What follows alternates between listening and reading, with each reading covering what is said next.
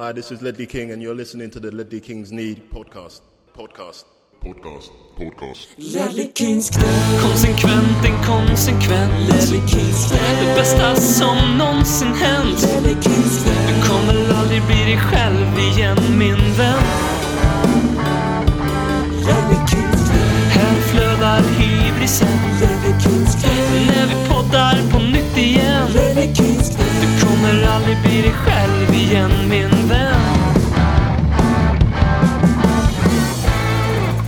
Du lyssnar på ännu ett fotbollsledley, nämligen avsnitt 300 av den värmländska radioteatern Ledley Kings knä. Men jämna avsnittsnummer betyder otur och eh, vi vill ju slå ihop våra jämna avsnitt till något lite större, lite längre fram. Så det här får helt enkelt vara avsnitt nummer 301 som du lyssnar på just nu.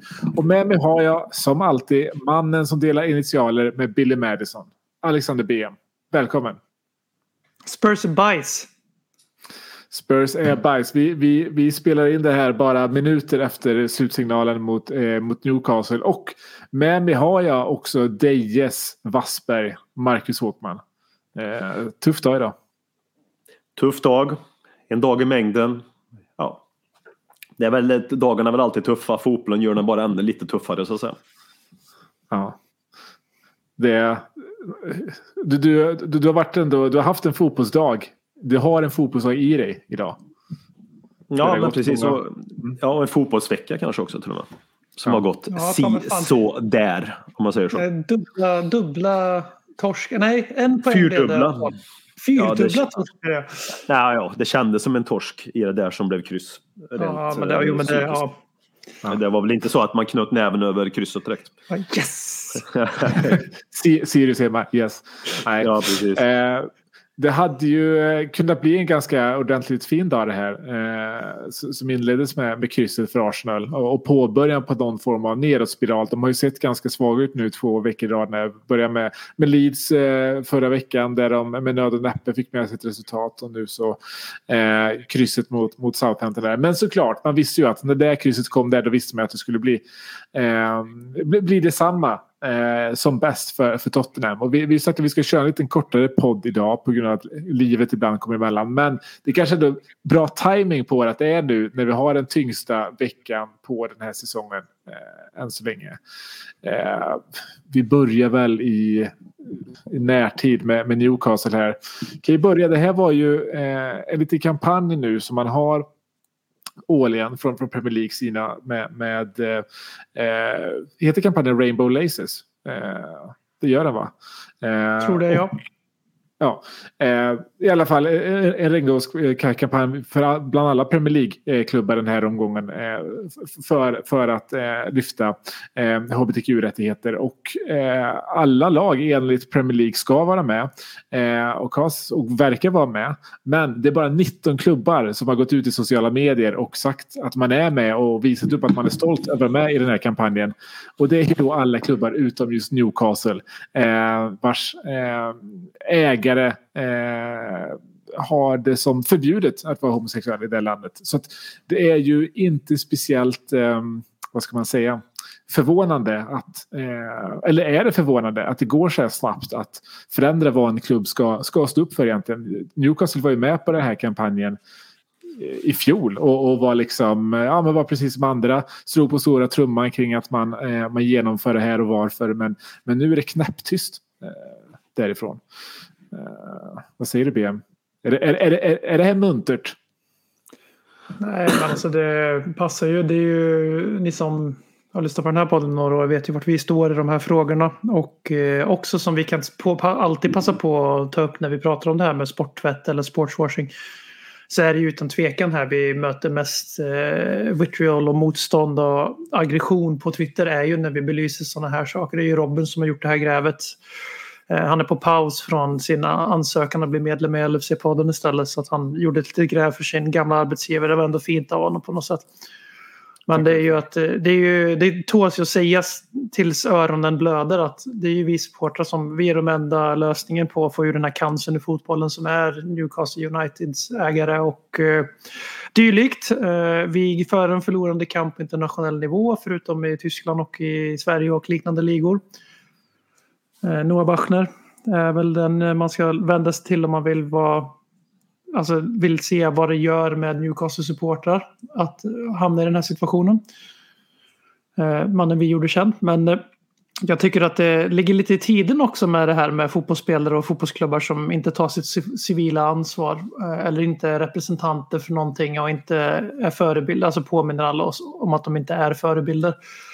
Eh, vi har ju Feyenoords kapten Örkan Kukcu eh, och sen så var det någon annan kapten i Eredivisie här om veckan som vägrade spela i regnbågsbindeln. Eh, hänvisade till Sierra Leone. Och nu har vi då Newcastle som klubb som försöker tysta ihjäl ja, det här initiativet. Och vi alla vet ju att grundproblemet är ju inte Newcastles supportrar, alltså de de hade före de blev uppköpta. Precis som att Manchester City supportrar som blev som var där innan de blev uppköpta inte heller ett problem. Utan problemet är ju att Premier League tillåter det här ägarbytet att ske efter att man har nekat det på grund av sådana här grejer som till exempel att man blir dömd till fängelse för att man har delat halvnakna bilder på sig själv eh, och så vidare i Saudiarabien. Så det använder man ju först som ett argument för att det här inte skulle få ske och sen så lät man det ske ändå. Ja, det här är ju bara ett led av vad vi håller på att göra med vår kära fotboll. Och det är väl lite därför man blir så upprörd när man förlorar mot Newcastle. För egentligen är det ett lag man inte bryr sig om så mycket. Kanske till och med ett lag man respekterade lite. Eh, när jag växte upp så var Newcastle ändå liksom ett charmigt gäng. Som man tyckte om lite, påminner lite om Tottenham fast de har en mycket coolare så här up the north än där klubben närmare Skottlands huvudstaden var Londonklubbarna liksom. Eh, och nu är de någonting annat. Och eh, ja, det är väl fint att eh, några försöker belysa det här problematiska. Jag blev faktiskt ärligt förvånad att Trippier sprang runt i en regnbågsspindel idag. För det trodde inte jag att han skulle göra, men det gjorde han. Eh, det, jag tänker inte ge han någon heder för det, men det är i alla fall fint av Newcastle att försöka täcka sina baser genom att ha binden på armen men sen inte stå bakom kampanjen då, utåt. Mm. Men det är att, någonting tycker jag är detta alltså att det är bra att det synliggörs att de inte hycklar. Vi vet ju alla vad de tycker och tänker om eh, hbtq-rättigheter i Saudiarabien. Så någonstans tycker jag att det ändå är bra att de inte står bakom detta för då synliggörs det på ett annat sätt istället för att det blir någon eh, falsk ja, målning som inte stämmer överens med verkligheten. Då synliggör de, synliggör de det ännu mer så att säga på något sätt. Och så, utifrån vad man vet vad de tycker och tänker och känner så tycker jag att det här är bra. Om du förstår vad jag menar. Jag fattar, jag fattar, jag fattar vad du menar. Eh, Mm. Tyvärr så är det så att det har ju inte eh, liksom lyfts kring detta. Att, det är, att de har gjort så. Nej. Att de är de enda som inte liksom uppmärksammar det här. Eller de gör det på planen för att det är liksom ett Premier League-initiativ. Men Mm. i alla sina egna kanaler så är de de enda som inte uppmärksammar det. Eh, Mm. Och det har det inte pratats så mycket om. Jag, jag, jag förstår vad du menar. Jag hoppas att det kan bli... Det, att det, det, kanske kan, mm, det kanske kan börja någonstans. Alltså det börjar så ett frö i någon ände. Det kanske är någon form av optimism här nu som talar. Men att det börjar så i någon, någon, någon ände liksom och sen kanske det hinner gro liksom. Och så kanske det kan bli någonting om, jag vet inte när, längre fram i alla fall. Om de fortsätter att eh, visa sitt riktiga jag i en större utsträckning framför en eh, plås, påklistrad eh, påklistrad grej som vi alla, som vi alla vet är fake oavsett om de hade stått bakom det lilla hade vi alla vet om att det gör de ju bara för syns skull. Så det är bättre att köra den approachen eh, på fler plan då, på ett sätt. Um, fotbollsmässigt då så det är därför det som du säger BM det, det, det tar lite extra när, när man torskar mot, mot Newcastle. Men i den här matchen så jag tycker vi börjar bra. Eh, jag tycker det är väldigt lovande först. Eh, nu vet jag inte, nu kommer jag inte ihåg exakt när de får sin 1-0. Eh, men fram tills dess tycker jag att vi spelar ganska bra fotboll. Jag tycker att eh, jag, var, jag, var, jag, var liksom, jag kom in med den här känslan att men, det här kan bli säsongens bästa match hittills. Jag fick lite det. Det känns som att Son var lite på nytt född. Eh, skottglad. Eh, ja, alla skott var väl inte liksom hundraprocentiga målchanser men han, eh, han, kom till ganska många avslut där. Eh, jag tycker att omställningsspelet funkade väldigt bra. Eh, när man såg startelvan som ju är faktiskt det är väl fem, sex spelare lite beroende på hur man räknar som egentligen är andra valet sett till hur vår startelva egentligen ska se ut. Men trots det så tycker jag att liksom, eh, vi skojade lite innan matchen BM om att säga det här avsnittet definitivt kommer heta eh, eh, distribution från försvarslinjen för att det, det skulle vara helt obefintligt. Jag tyckte inte det i början av matchen. Jag tycker också att Skip eh, var väldigt bra i det spelet på, på högerkanten. Eh, men eh, så, så, så kom ju misstaget från, eh, från Loris, eller vad vi nu vill kalla det. Eh, ett misstag är det väl oavsett om man vill att det ska, om man, om man tycker att det ska vara frispark eller inte. Eh, och därefter så eh, så tappar vi allting och det var lite det som blev effekten på hans misstag också i, i Arsenal-matchen när vi hade ett initiativ eh, och gav bort det helt och hållet eh, i samband med hans, eh, hans misstag där som innebar 2-1 i början av andra halvlek. Eh, men om vi börjar i den själva situationen där jag kände väl direkt när jag såg det att säga, nej det här är inte frispark. Och sen så såg jag reprisen hur han fäller ut armen. Är det där en omställningssituation då blir ju det alltid frispark. Så det blev jag förvånad. Ja, alltså det är så här. Hur ska man det? Det är ju ett hårresande misstag. Alltså det här är ju mycket värre än de Rembrandt han brukar göra. Eh, jag vill också förtydliga att han inte brukar göra så jävla mycket utan han brukar vara Tottenhams topp tre bästa spelare varje säsong när de summeras. Har varit så i tio år, förtjänar betydligt mer respekt än han får. Eh, Helt en av de, kanske den bästa målvakten som någonsin har spelat i Tottenham. Eh, Så vi kan börja där. Men det här är ju eh, så här, det här är ju ett sånt här misstag som snacket om Hugo Lloris får en att tro att han gör väldigt mycket och väldigt ofta. Eh, Det är inte riktigt sant. Han har en dålig fot för att spela sweeper keeper, vilket han inte är i Conte Spurs, men ibland så är han där ute ändå. Då. Men sen om man går in på själva skakten där, alltså jag tycker inte att det är frispark. Jag tyckte däremot att han såg ut att vara offside, får vi utgå ifrån att det var Wilson. Som då hade dömts bort. Men eh, du har ju helt rätt i sak där att är det där eh, omvänt, att det är liksom Dyer gör sådär på Wilson, han ska springa igenom. Då, eh, om det är Dyer som bom, tar ut bommen på Wilson han ska springa i, då är det ju målchansutvisning och frispark. Det är inte ens en diskussion. Eh, försöker inte spela boll, bollen alls.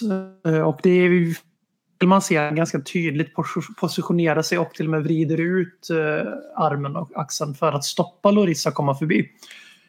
Eh, det som gör att domaren inte tar det beslutet tror jag, eh, så godkänner det ju först.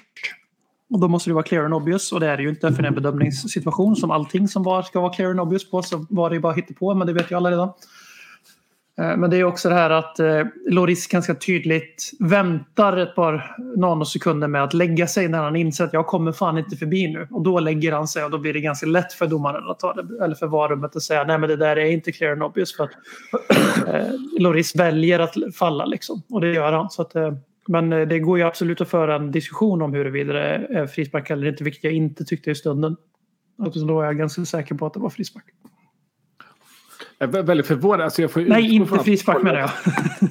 Jag får kolla från, jag får, alltså jag, jag får lita på att Wilson inte var offside. Men på reprisen såg det ut Mm. Så att ser han offside jag yes. han ser det, här skulle jag gärna vilja se en linje. Men jag får ju verkligen hoppas att det inte är. Men, men det var ju så sent som för bara någon vecka sedan när eh, var det Sakas mål eh, för Arsenal.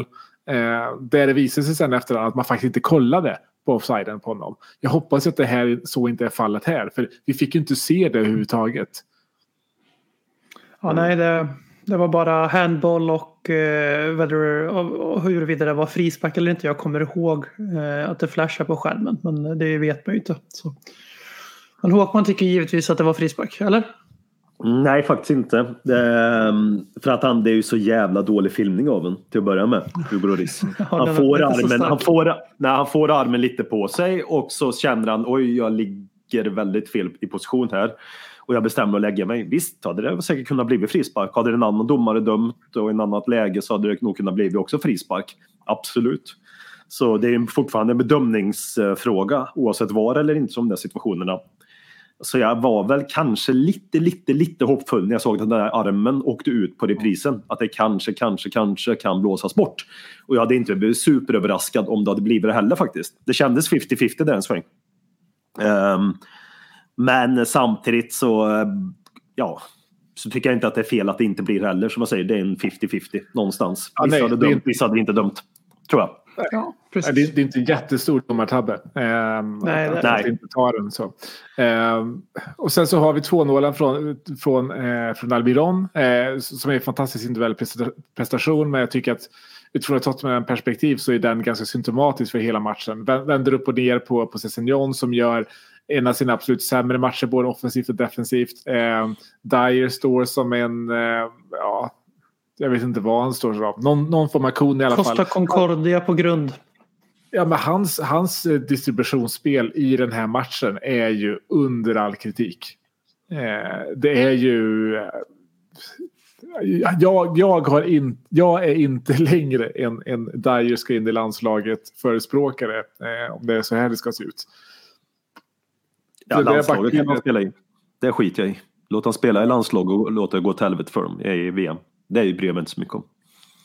Ja, det, det får du ju jättegärna göra. Eh, Ja, precis. Men, men, men, men jag kommer inte längre stå på barrikaderna för hans rätt att vara där. Eh, Nej. Så, så länge det ser ut så här. Billigare än knark Roligare än terapi Lättlig kings knä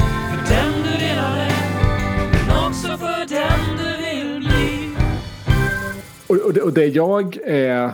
Eh, jag är såklart väldigt besviken över reaktionen från 1-0. Låt dem göra 2-0. Vi har ju inte så mycket mer efter deras första mål i den första halvleken. Eh, men jag är nästan ännu mer förvånad över reaktionen direkt efter halvtidsvilan. Där har ju Newcastle en 10 minuters period där de har, jag tror det är 65-70 procent bollinnehav, eh, 7-8 skott innan vi får till vårt första. Där är jag ännu mer förvånad. Alltså för då, då kommer man ju direkt ifrån ett halvtidssnack, en halvtidstork från Antonio Conte och du får inte ut en enda procent till utav det. Vad, vad, vad känner du Håkan? Nej, men alltså, jag tänkte precis som du och man hoppas ju alltid när det varit en sån första halvlek att nu kommer vi gå ut och verkligen visa en aggressivitet och få igång ett annat typ av spel. Men så här har det sett ut liksom större delen av säsongen och nu är det ju så jävla lätt att låta negativ och liksom mörklägga en hel säsong och som BM sa de tio första matcherna poängmässigt var ju det bästa vi har gjort någonstans. Ehm, Men samtidigt så är det väl så här det ser ut och det ser ut så här av en anledning. Vi kanske inte har så mycket annat i vårt sätt att spela just nu. Jag vet inte, förstår du vad jag menar? Att eh, spel, speluppbyggnaden, spelsättet är, är på detta sättet. Eh, jag tycker inte vi ska ursäkta Conte med det. Alls.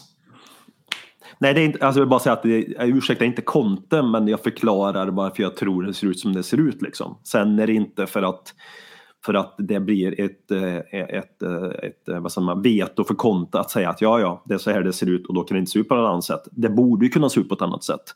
Men jag tror att det inte ser ut på ett annat sätt för att det har sett ut så här tidigare, om du förstår vad jag menar. Det betyder ju inte att det ska se ut så här.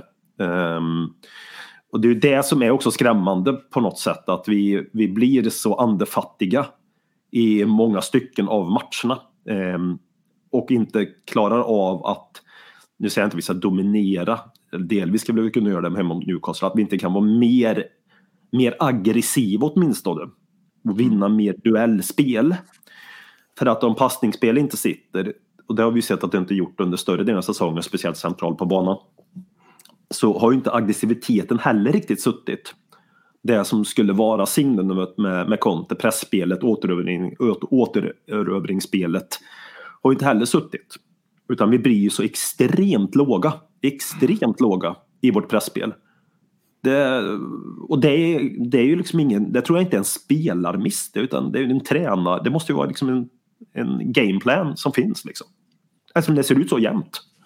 Ja, kollar man på de här graferna över vart vi kontrollerar spel och inte kontrollerar spel så är ju, har ju vi en extremt tydlig liten penis utifrån Loris mål fram till ungefär mittcirkeln där det är så jättetydligt att vi släpper de andra ytorna. Eh, och det är ju för att vi har en stor acceptans för att släppa just det som man kan kalla andra bollsytan eller andra ytan centralt där vi liksom låter motståndarna de får gärna trilla runt där. Och sen börjar vi pressa och det jag håller med Håkman helt där att vi blir väldigt låga, alltså vi är inte låga men vi blir väldigt passiva. Vi är alldeles så här, vi, kontrollerar matcherna genom defensiven som vi har pratat om under hela säsongen här men när det inte funkar så blir ju då också väldigt mycket kvar att göra offensivt. När vi, när vi inte lyckas vinna bollen ens i de ytorna vi vill vinna boll så är det väldigt mycket kvar att göra i anfallsspelet för att skapa Mm. målchanser. Och när vi då har tappat den enda låsstyrkan vi har, eller lockpeka, den enda vi har i hela truppen tydligen, vilket är Dejan Kulusevski, då har det blivit smärtsamt tydligt att vi har ingen andra plan. Alltså, den andra planen är att Kane ska droppa ner och sen frispela Son, men Son är ju iskall den här säsongen så det funkar inte längre. Och då står vi där med Harry Kane krigar in bollar varje match och vi förlorar ändå och spelar ändå dålig fotboll. Liksom. Så det börjar klämta i kyrkspelen här nu när det gäller min tilltro till våran offensiva spelidé. Inte min tilltro till Antonio Conte men till våran nuvarande offensiva spelidé. Där är förtroendet ganska lågt.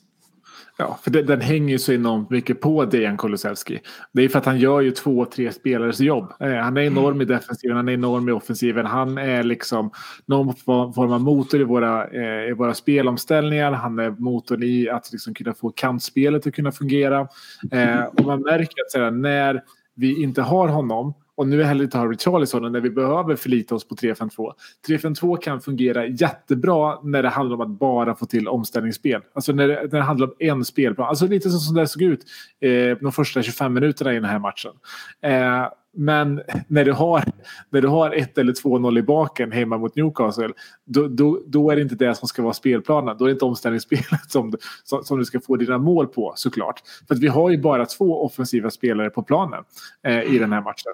Eh, I ett 3-5-2 annars och har, har vi inte Perisic så skulle vi kanske kunna hävda, hävda att vi har tre. Men, men nu är det ju så som vi ställer upp i den här matchen när vi har Sessignon och, eh, och Emerson på varsin kant. Då är det bara Son och Kane.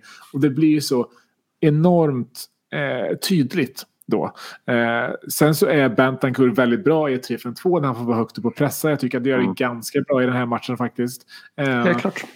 men, men det är... Eh, man, man blir så frustrerad när man sitter och ser sen också så Leicester-matchen till exempel. Jure Tillemans eh, fantastiska mål där. Och man vet att, vi har ju snackat om det här i podden, att så här, ja, även om det har varit mycket rykten om honom till Tottenham så är det kanske inte riktigt den eh, liksom, personen eh, man, man, man är så sugen på, på, på att vilja ha. Det finns ju lite liksom så här, en Dombi eller vibe och rykten kring honom.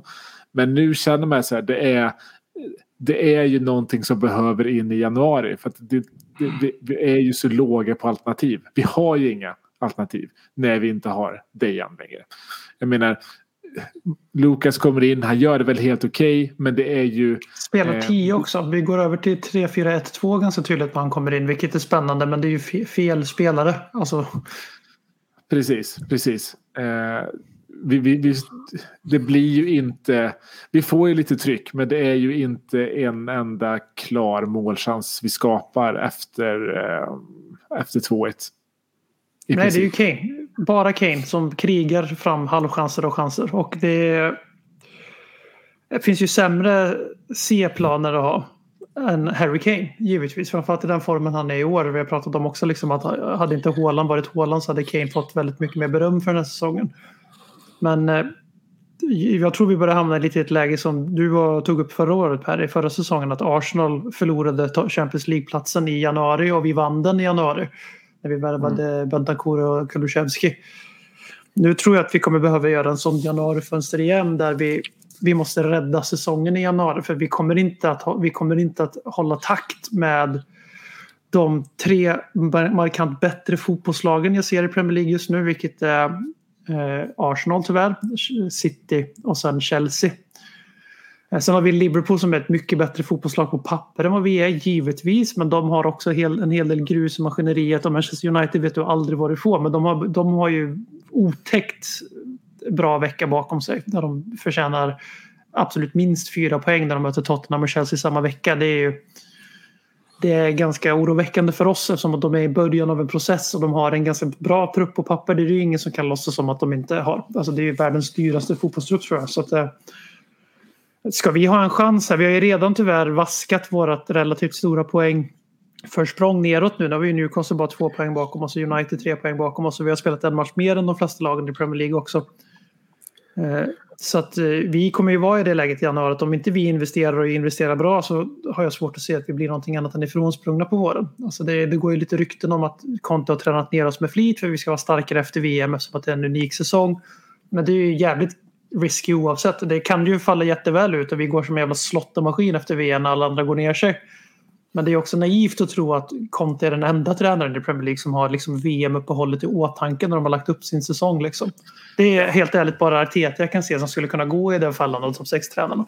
Men skulle det vara så, det är världens sämsta strategi. För att nu så som vi ser ut, vi har ju vi, vi har ju mer tur att vi ligger så som vi ligger. För vi har ju inte varit bland de fem bästa lagen i ligan i år. Nej, spelmässigt Nej. absolut inte, nej. Eh, men nu så ligger vi vid trea eh, eh, fortsatt ändå. Eh, men som sagt var väldigt tydligt i och med eh, de här två matcherna att det inte det är inte Arsenal och City eh, som vi ska klumpas ihop med utan det är de eftersläntrarna där. Eh, även om jag tycker det är väldigt konstigt i den här matchen att det bara blir fem minuters tillägg. Jag menar bara VAR-situationen på, på, på målet är fyra minuter. Men men, eh, jag, jag är inte bitter. Eh, Jag är bitter, så det räcker. Ja, ja. Det är bra. Eh, vad gäller United-matchen i veckan. Eh, här, jag, jag såg faktiskt inte den. Jag var iväg på, på, eh, på lite festligheter och, och som är då så tänker jag, ja, men jag ser inte matchen, jag ser den i efterhand och sen så ser jag, när jag såg siffrorna när jag kom Du hem så gjorde kände inte det jag att, hoppas jag. Nej. det här, det här ska jag inte se. Så ni, ni, får berätta, ni får berätta om hur det såg ut, men jag kan ju bara se liksom, statistiken. Liksom, att det här var ju Ja. spel, spel mot ett mål. Eh, och eh, lite ursäktande är väl att eh, lite speciellt för i år så här långt har det varit ganska många Big Six-möten för alla lag. Och det är ju än så länge eh, inget Big Six-lag som har vunnit mot ett annat Big Six-lag på bortaplan. Och jag tror det är väl bara Tottenham och eh, och United som har fått ett kryss med sig borta mot ett annat Big Six-lag. Tror jag. Eh, båda borta mot Chelsea. Men ni får väl, ni får väl su- summera matchen åt mig. Vad missade Ja. jag? Ja, men jag tänkte bara, det är inte förlusten mot United borta som stör mig utan det är liksom Absolut. det sättet vi förlorar på. Alltså förlust kan man ta och sen bäddar man ju in förlusten mot United i alla fall. Jag bäddar in förlusten mot United om man nu ska prata om Big Six. Och så bäddar jag in det spelet mot United, så bäddar jag in det spelet vi hade mot Arsenal och det vi hade mot Chelsea. Och så ser man ett tydligt mönster sett över de tre matcherna. Hur vi totalt, totalt, totalt har blivit avklädda på alla sätt. Liksom att vi får kryss mot Chelsea är ju bara tur. Och sen, och sen mot Arsenal, ja, det blev som det blev. Och sen blir det ännu, ännu sämre mot United borta spelmässigt. Ännu sämre. Så avklädda, så totalt utspelade. Som, blir, som vi blev i den matchen har jag, liksom, ja, vet, närminnet är väl oftast det som eh, lockar när man säger att det är aldrig sett oss så utspelade. Men det kanske vi blivit, men det känns inte så. De radat upp chanser. Och framförallt det som också oroade mig där, hur vi tillät dem att skjuta. Som en jävla skotträning precis utanför vårt straffområde. Och till sist blir det ju som det blev då när de gjorde 1-0 där när det blev en styrning. Och så var det 1-0. Ett- Ja, var det Ben Davis som det tog på benet och styrdes in. Liksom. Det är bara en tillfällighet. Det är bara en tillfällighet liksom. Så då undrar man vad vi kommer in för gameplan till den matchen. Och att man inte, och man med tidens gång ser att det här går käpprätt åt helvete. Totalt käpprätt åt helvete. Vi går in med 0-0 i halvtid. Tackar alla lyckliga stjärnor i världen för att det var det. Kommer ut, presterar precis på samma sätt som jag slutar med. Händer ingenting från tränarbänk. Ingenting. Jag säger inte att bytena hade förändrat matchbilden. Jag säger inte att bytena hade gjort att vi hade vunnit, tagit poäng eller någonting. Men bytena hade omöjligt kunnat gjort det sämre. Då handlar det om signalvärde någonstans. Att ser det så bedrövligt ut kan man inte vänta till matchminut 81 och göra någonting. Oavsett om det sitter 17-åringar på bänken bara som aldrig har spelat i Premier League. Du kan inte göra någonting. Så där blir jag otroligt besviken på Contes matchcoachning. Jag är otroligt besviken på hur vi kan liksom uppträda på samma sätt och i alla de här tre matcherna mot de här borta, alla de här tre matcherna mot Big Six och har fått, fått samma utgång. Det har vi samma utgång två första, går vi in med samma approach i tredje, får samma utgång igen fast ännu sämre.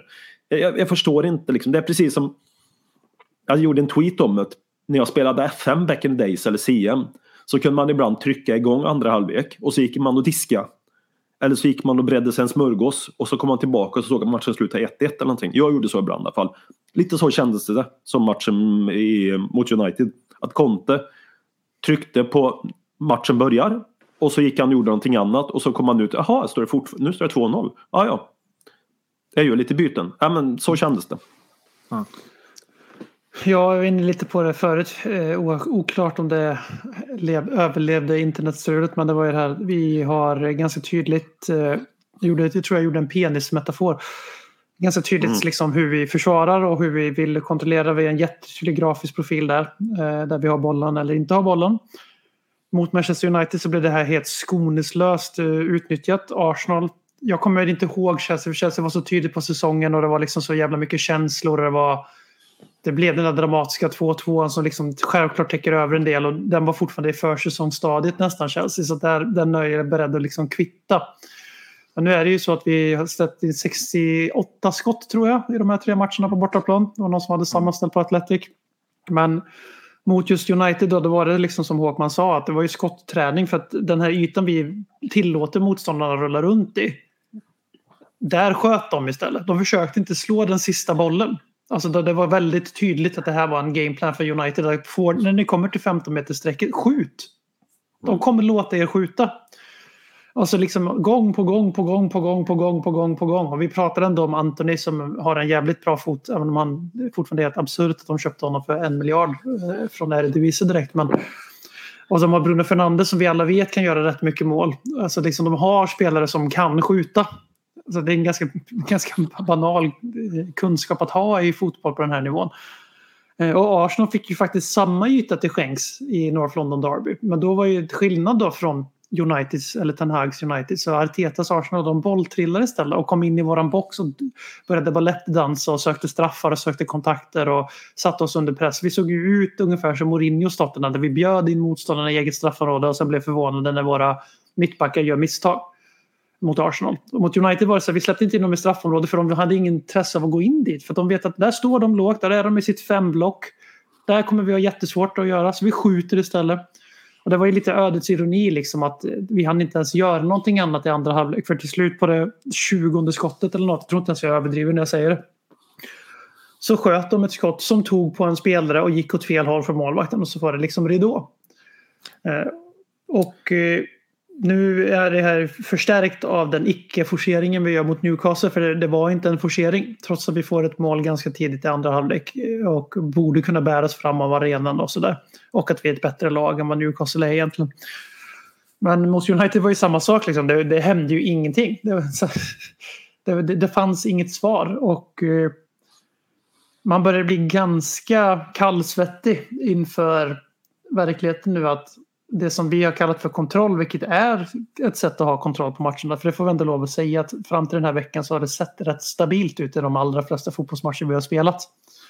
Man, är, man möter ju trots att en motståndare också i varje match. Men nu börjar jag nästan vända på det. Bara, ja, vi kanske har kontroll, men vad fan gör vi när den kontrollen inte räcker? Då svaret är vi har ju, ingen, vi har ju ingenting då.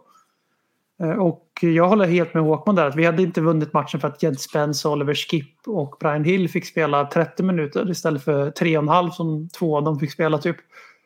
Men det skickar ändå någon form av stöt i truppen att nej, nu är vi så jävla dåliga så Conte slänger till och med in junisarna. För nu, de här killarna, de hade åtminstone gått ut liksom och något så primär, primitivt som att spela för klubbmärket. Eller för sin egen karriär och för sin egen chans att bevisa. Precis som Brian Schill har gjort de här jävla cameosen han har fått i Champions League.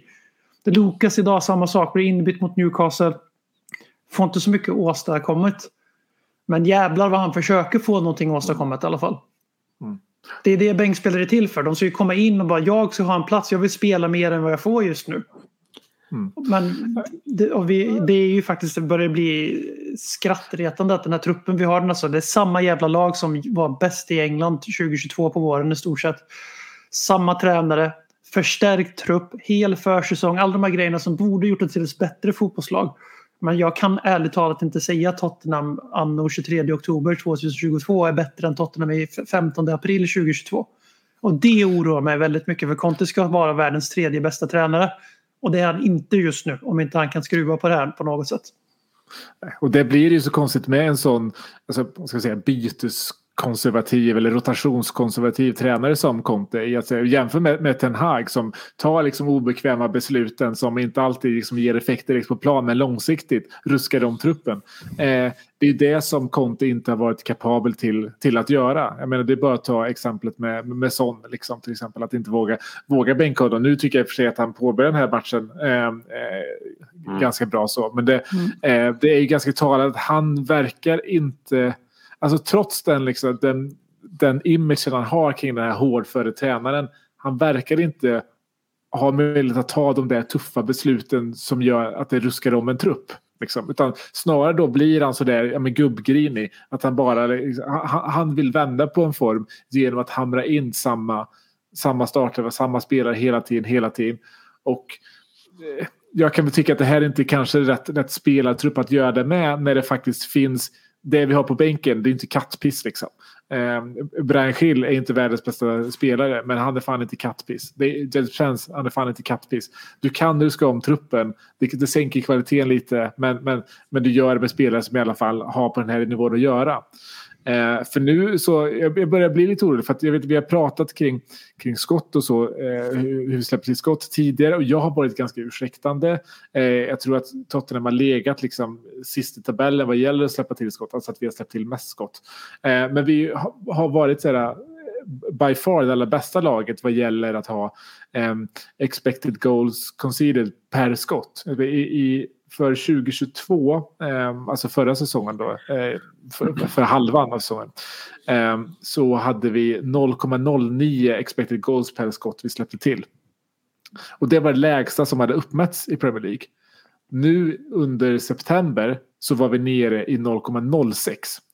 Och då känner jag att fan, Alltså, vi kan släppa till skott. Eh, det är ingen fara för vi gör det under kontrollerande former. Det ser, det, det ser tryggt ut ändå. Det är inte det här liksom fladderförsvaret som vi är vana att se i Tottenham. Men nu har vi ju Alltså du kan inte agera så och släppa till 25 skott per match mot de här Big Six-klubbarna som det har varit nu. Eh, de är på en helt annan de har en annan kvalitet. De sätter de där skotten till slut. Och sen så nu också, men det gäller inte bara Big Six-klubbarna. Nu är det liksom, släppte till var det två mål mot Everton, två mål mot United, två mål mot Newcastle. Nu är det ju helt plötsligt ett ganska dåligt försvar. Från att ha varit ganska solitt. Och det är det som eh, gör mig väldigt osäker. För att så som det har sett ut den här säsongen, anledningen till varför vi är där vi är, det är, inte, det är inte för att vi har haft en bländande offensiv. Utan det är för att vi har haft en trygg defensiv. Och vi har Kane och Son som kan trycka in ett eller två mål om det behövs. Ja, precis. Och det är ju vi har ju trendat neråt ett tag, så är det ju. På alla sätt, det ser man ju med det nakna ögat. Men siffrorna checkar ju ut det också. Eh, och eh, det är inte jättelångt kvar tills VM-uppehållet. Så det, det, är en ganska viktig sprint här. Vi har väl egentligen en match till då, som är, ser rätt svett ut på förhand. Och det är ju Liverpool då. Jag kommer inte ihåg om det är på Anfield det också. Om vi kommer att möta alla Big Six på bortaplan i stort sett. Det är hemma mot dem va? Ja, och City ja. borta. Precis, ja just det, City-matchen också. Just det. Men det vi får se om den, den kommer säkert inte att spelas innan VM. Ja, nej, men det ser nej. ju ut som att på vårsäsongen då så kommer vi ha de här matcherna på hemmaplan. Och det, är så, det kan ju funka men det som oroar är ju också det här att vi, om vi tar ett väldigt harmlöst exempel, han, han är tillräckligt mycket hackkyckling så han, han, blir på något sätt symbolen för dagens förlust också bland många har jag märkt. Och det är ju Emerson Royal, att han blir utvisad mot Arsenal, han är avstängd i tre matcher. Vi ser enligt mig ganska tydligt bättre ut offensivt i, under den perioden förutom mm. mot Manchester United där vi var liksom kollektiv härdsmälta. Alltså vi blir helt utspelade. Det är ingen som kommer undan den matchen godkänd förutom Ulris, inte ens närheten liksom. Men så fort Emerson Royal är valbar igen och då har han ändå spelat i Champions League som ju nu för tiden går varje vecka. Så spelar du ju match i Champions League så det är liksom då direkt tillbaks till honom bara. Bara nu kastar vi in och som du var inne på Per nu sa liksom att vi hade två offensiva spelare på plan. Och där känner jag anledningen till att inte jag tar in med Conte till hundra förutom andra saker som vi inte behöver gå in på just nu men det är ju det här att hans första instinkt är alltid att kontrollera och neutralisera motståndaren. Och det här påminner om en annan gammal stor tränare vi hade för inte så länge sedan tycker jag. Medan jag tycker att vi har inte tillräckligt mycket kvalitet, kvalitet i våran trupp för att vinna ligan likt som ett Chelsea kan göra eller som ett Inter kunde göra i Serie A.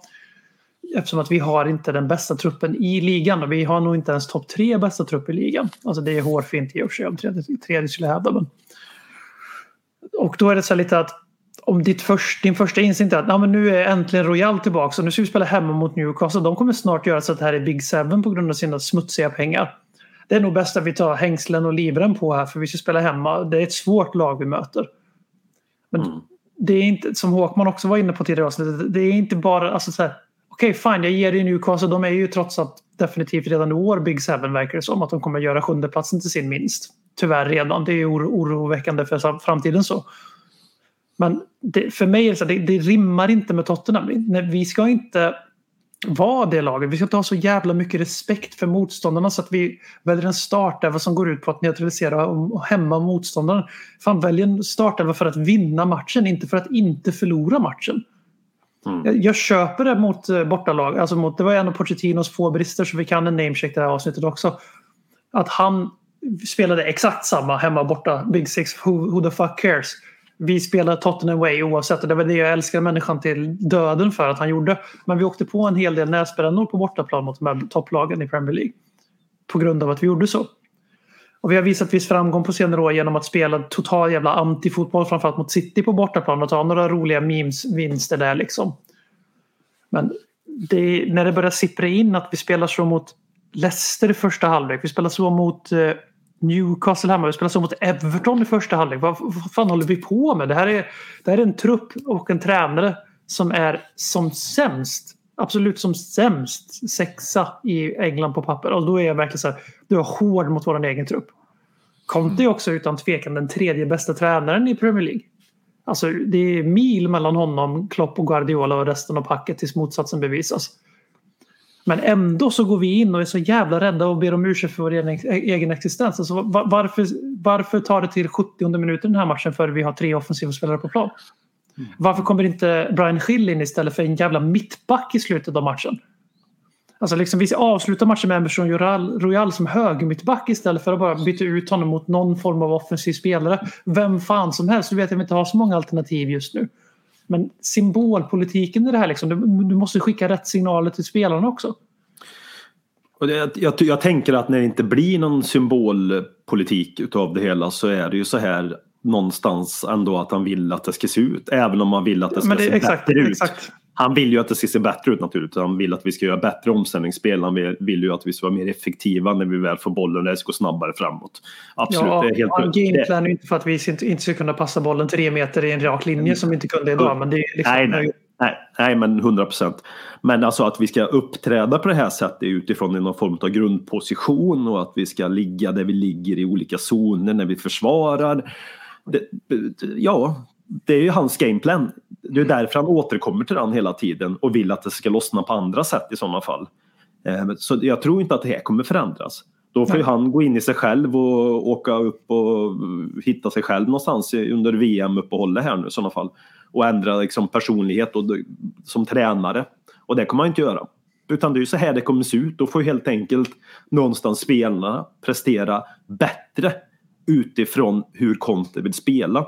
Och, hur ska, alltså, och vad krävs för att vi ska prestera bättre utifrån Conte ska spela? Ja, att spelarna naturligtvis gör det bättre på ett individuellt sätt. Men när det inte finns en antydan under ganska lång tid nu, för visst, det ser sämre ut när Dejan inte är med. Men det är inte så att säsongen, säsongen har varit var glam även när Dejan var med. Det var inte så att vi över spelade så fantastiskt bra i början på säsongen heller. Det såg ju bra ut i våras, det köpet är på hull och hår liksom. Men så jag tror jag, jag har svårt att se hur det här ska kunna bli på något annat sätt. Och visst, vi kanske kan gneta till oss en topp 4-plats. Det är ju absolut inte osannolikt.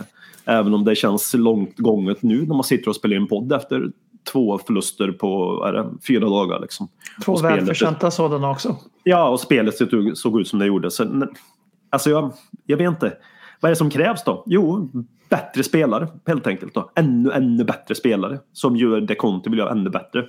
Och framförallt ännu, ännu bättre wingbacks då som är överjävliga på att springa och äga en hel kant och slå in inlägg.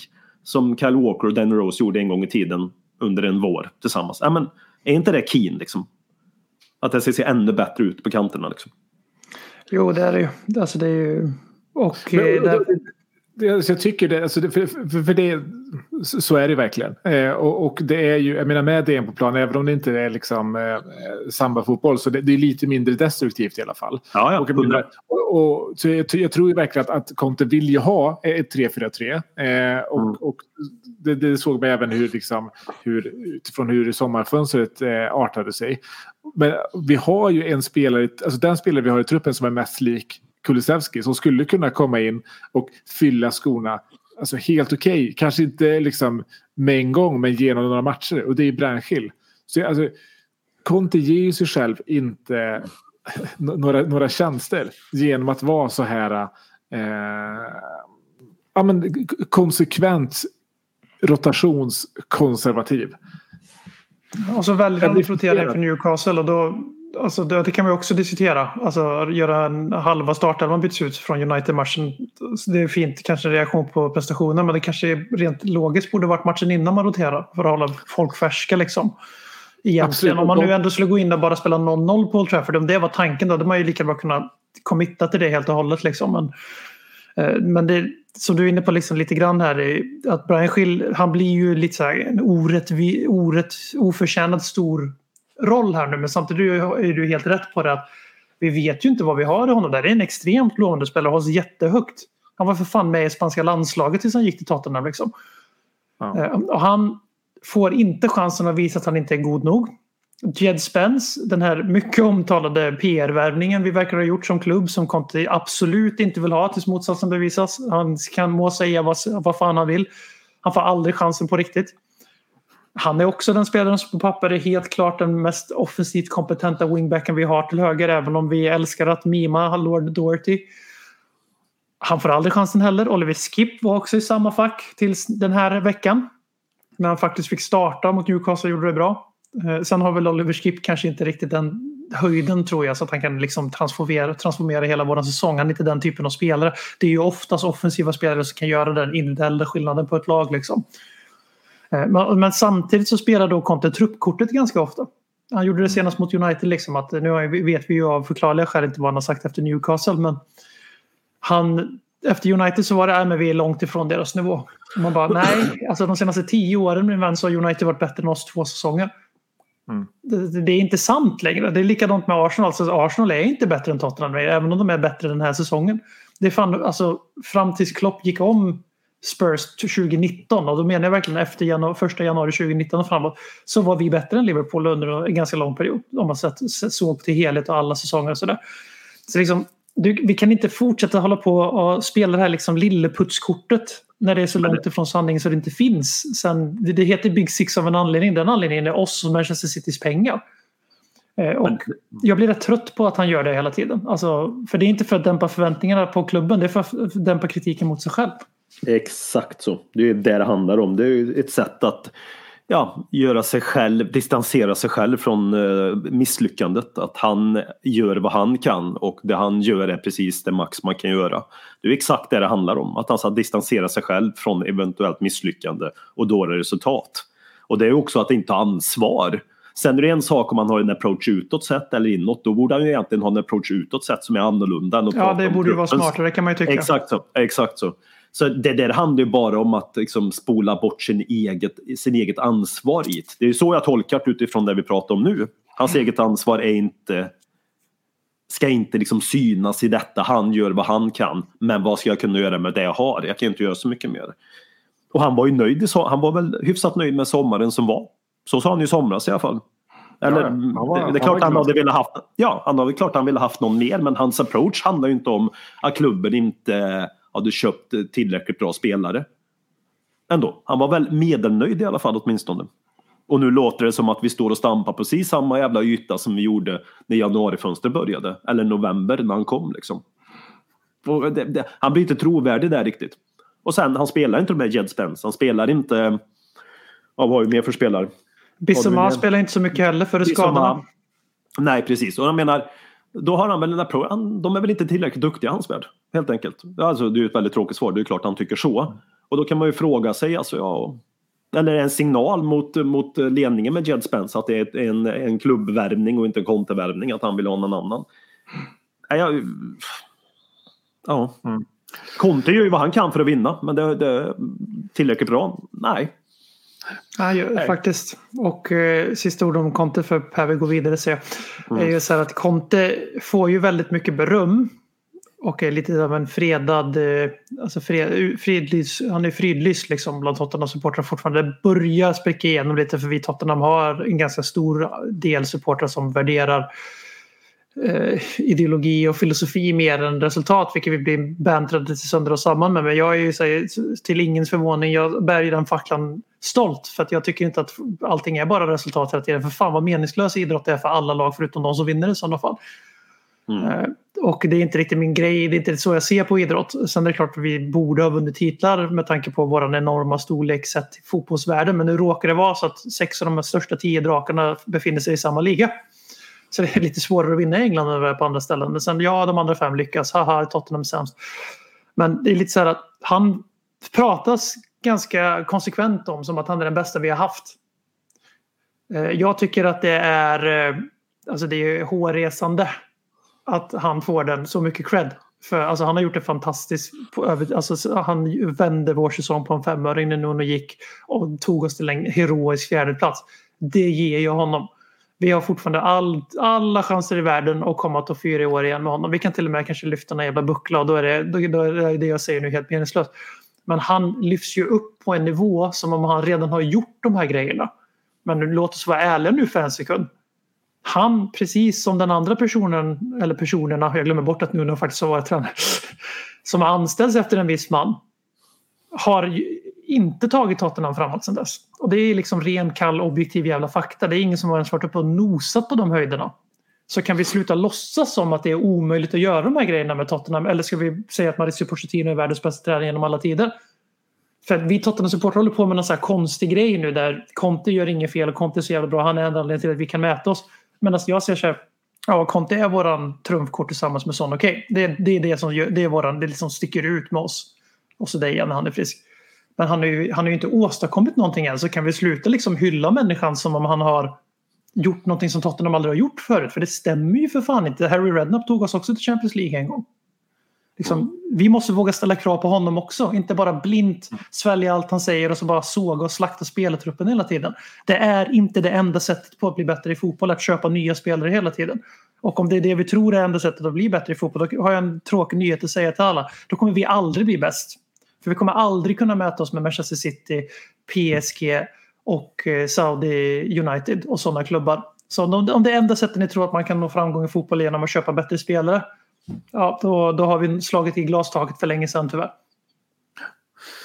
Ja, eh, det är li lite negativa tongångar eh, just nu och det ska det vara. Eh, vi, vi, vi, vi ska väl inte glömma heller att det här är ju egentligen, alltså förlusten mot Newcastle är ju egentligen första plumpen i protokollet i ligan. Eh, de andra kommer, det är borta mot Big Six, det är borta mot West Ham, det är liksom eh, på något sätt inbudgeterade poängtapp. Eh, vi ser nu hur liksom ehm, vi är i alla fall inte Liverpool. Eh, vi ser hur United som har haft eh, eh, United inledde med väl, eh, alltså de har väl, deras senaste sju matcher har sett ganska bra ut. Men nu har de ju eh, allt vad som hände med Ronaldo. Det tog väl i och för sig rubrikerna för matchen vi hade med dem. Eh, turligt nog. Mm. Eh, Varann utskadad nu. Eh, Det är lugnt med kommer- Maguire och Lindelöf.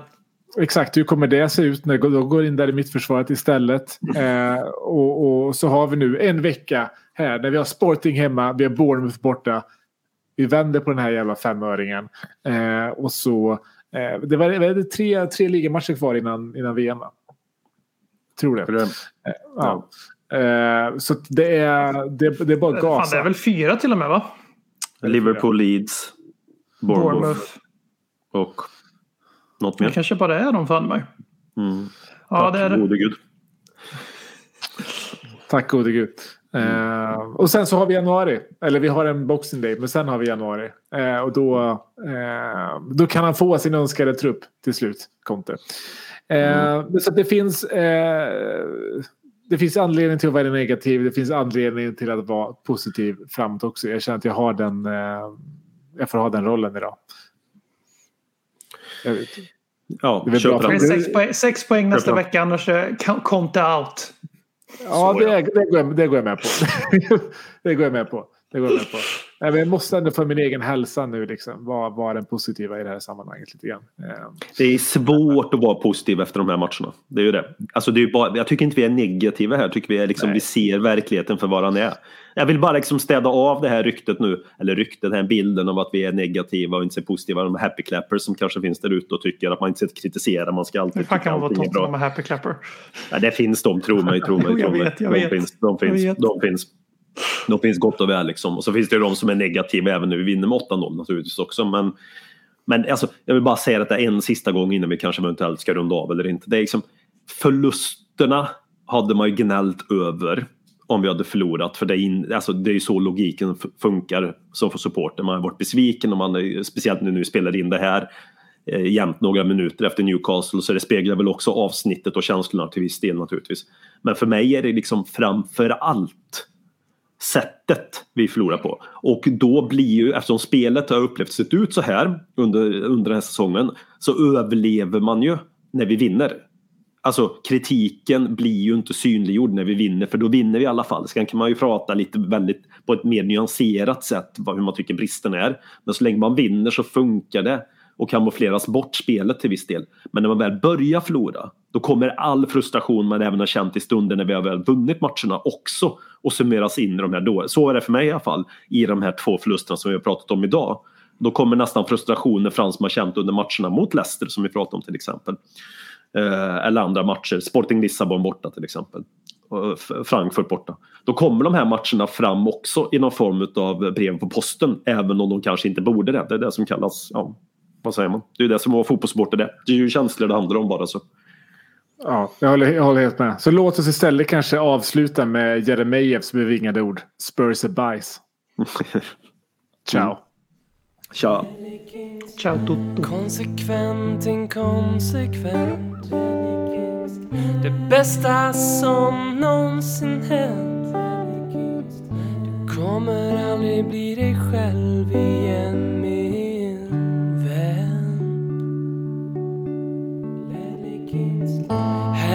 flödar hybrisen. När vi poddar på nytt igen. Du kommer aldrig bli dig själv